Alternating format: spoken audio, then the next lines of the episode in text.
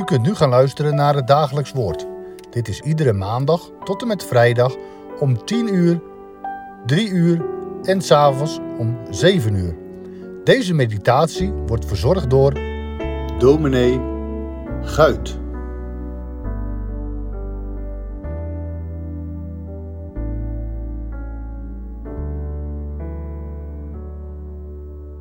Lees met u enkele verzen uit de Bijbel en wel Filippenzen 4, vers 13 tot en met 16. Daar zegt de apostel Paulus: Alle dingen zijn mij mogelijk door Christus die mij kracht geeft. Toch hebt u er goed aan gedaan dat u gedeeld hebt in mijn verdrukking. En ook u, Filippenzen, weet dat in het begin van het evangelie, toen ik uit Macedonië vertrok, geen enkele gemeente mijn deelgenoot werd in de rekening van uitgaven en ontvangst dan u alleen. Want ook in Thessalonica hebt u mij een en andermaal iets gestuurd voor wat ik nodig had. In de laatste woorden van de brief aan de Filippenzen komt de apostel Paulus tot een aantal persoonlijke opmerkingen. In vers 12 van hoofdstuk 4 zegt hij dat hij wist wat het betekende om vernederd te worden. Dat hij ook wist wat het betekende om overvloed te hebben. Hij had het alle twee meegemaakt. Hij had honger geleden, maar hij had ook tijden meegemaakt waarin hij een overvloed van voedsel had. Wat zijn tegenspoed en ontberingen betreft, spreekt hij in de brief aan de Corinthiërs van geesteling, verblijvende gevangenis, schipbreuk, bedreiging door rovers, bedreiging door valse broeders, koude, naaktheid, honger en dorst.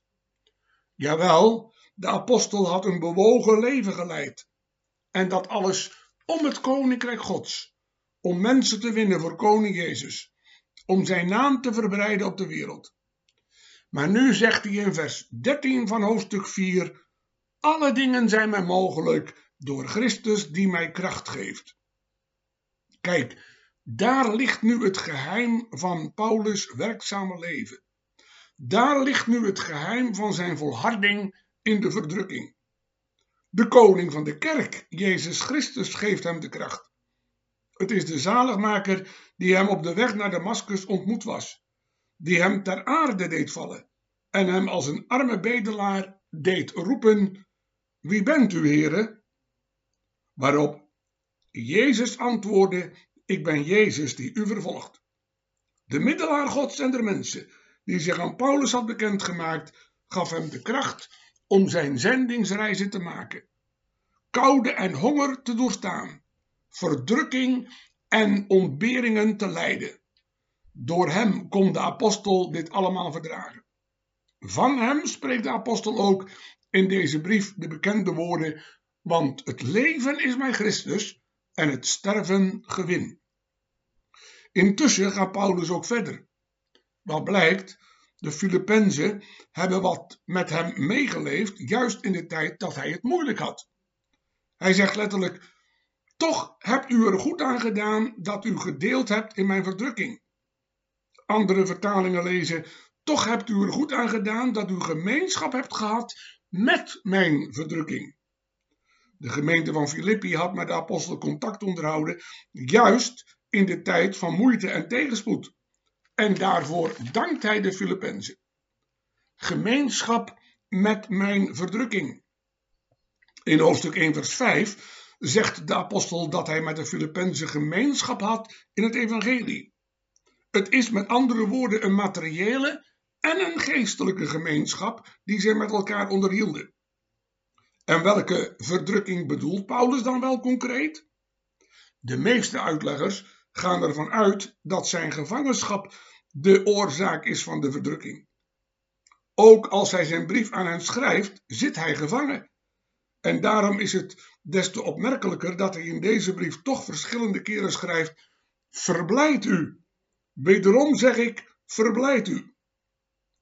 Paulus gaat nog verder met het denken van de Filippenzen, danken van de Filippenzen, want in vers 15 zegt hij dat geen enkele gemeente deelgenoot werd in de rekening van uitgaven en ontvangst dan alleen de gemeente van Filippi. Wat bedoelt de apostel daarmee? Wel, de gemeente van Filippi heeft Paulus financiële hulp geboden. En dat heeft die gemeente gedaan vanaf het begin van de evangelieverkondiging door Paulus in Filippi toen hij vertrok uit het gebied van Macedonië.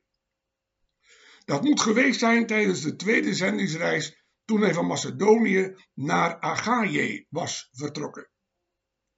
Geen andere gemeente dan Filippi had in die tijd iets bijgedragen aan Paulus' inkomsten ter bestrijding van de uitgaven. Daarvan getuigt hij ook in de tweede brief aan de Corinthiërs. Daar zegt hij letterlijk: Toen ik bij u was en gebrek leed, ben ik niemand tot last geweest. Toch is Paulus dankbaar dat de Filippenzen hem wel geholpen hebben. Spontaan, zonder dat hij erom gevraagd had. Dat is ook gemeenschap der heiligen. Concreet gemeenschap der heiligen. Dat wij geestelijk contact met anderen hebben die leven uit hetzelfde geloof, maar dat we ook in materieel opzicht helpen als ze gebrek lijden. We zouden dat kunnen vergelijken met de situatie van ons in Nederland en de christenen in de Oekraïne. Wat is het noodzakelijk dat wij voor hen bidden, hen opdragen aan de troon der genade, maar ook dat we hen financieel steunen, zodat ze voldoende voedsel kunnen inslaan en over voldoende medicijnen kunnen beschikken. Juist nu er door de oorlog zoveel mensen gewond zijn geraakt. Als wij de Heere vrezen in ons leven, zullen we gehoor geven aan de oproep van de apostel. Doe goed aan alle mensen, maar in het bijzonder aan de huisgenoten van het geloof.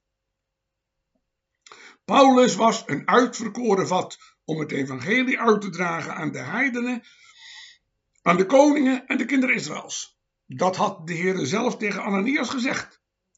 En hij heeft ook veel moeten doorstaan. Maar soms gaf de Heer hem ook lichtpunten op zijn levensweg.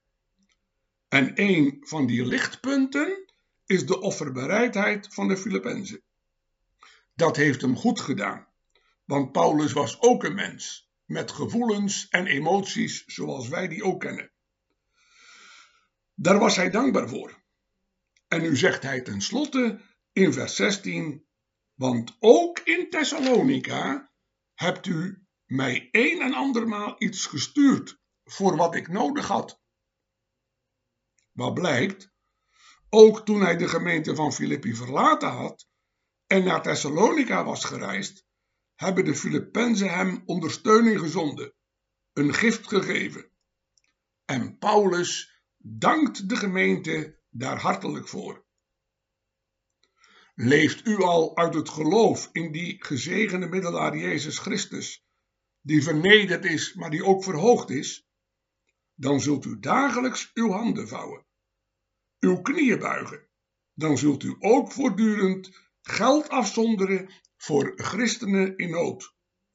In de Oekraïne, maar ook in andere landen waar christenen worden gediscrimineerd en vervolgd opdat Gods naam verheerlijk wordt en opdat zijn koninkrijk wordt uitgebreid. Amen. We willen nu samen de Heere danken voor het woord dat hij gegeven heeft. Heere, trouwe en barmhartige God, wat bent u oneindig goed. U geeft ons ook vandaag uw woord. En dat woord getuigt ervan dat u uw knechten helpt door de pelgrimsreis van dit leven. En dat u uw knechten helpt als zij dienstbaar mogen zijn in uw koninkrijk.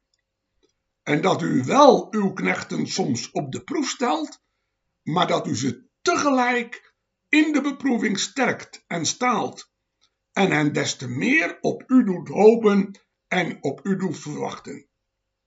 Wij danken u ervoor dat we uw woord mochten horen. Wij bidden van u, wilt u met ons zijn, ook in onze privésituatie. En dan weet u wat we meemaken. Misschien moeten we veel verdriet doorstaan, pijn, rouw. Hebben we onze levenspartner verloren, onze man of vrouw? Het is allemaal bij u bekend. Maar leer ons dan met onze nood tot u uit te gaan, opdat we ervaren dat het waar is wat uw woord zegt. Roep mij aan in de dag van de benauwdheid. Ik zal u uithelpen en gij zult mij eren. En later, heren, zeker als we aan het einde van ons leven gekomen zijn, de verwachting mogen zijn van de stad die fundamenten heeft, waarvan u zelf de kunstenaar en bouwmeester bent, en waarin u zult zijn, alles en in alle. Hoor ons gebed, neem onze dankzegging aan, vergeef ons onze zonde en gedenk ons om Jezus wil. Amen.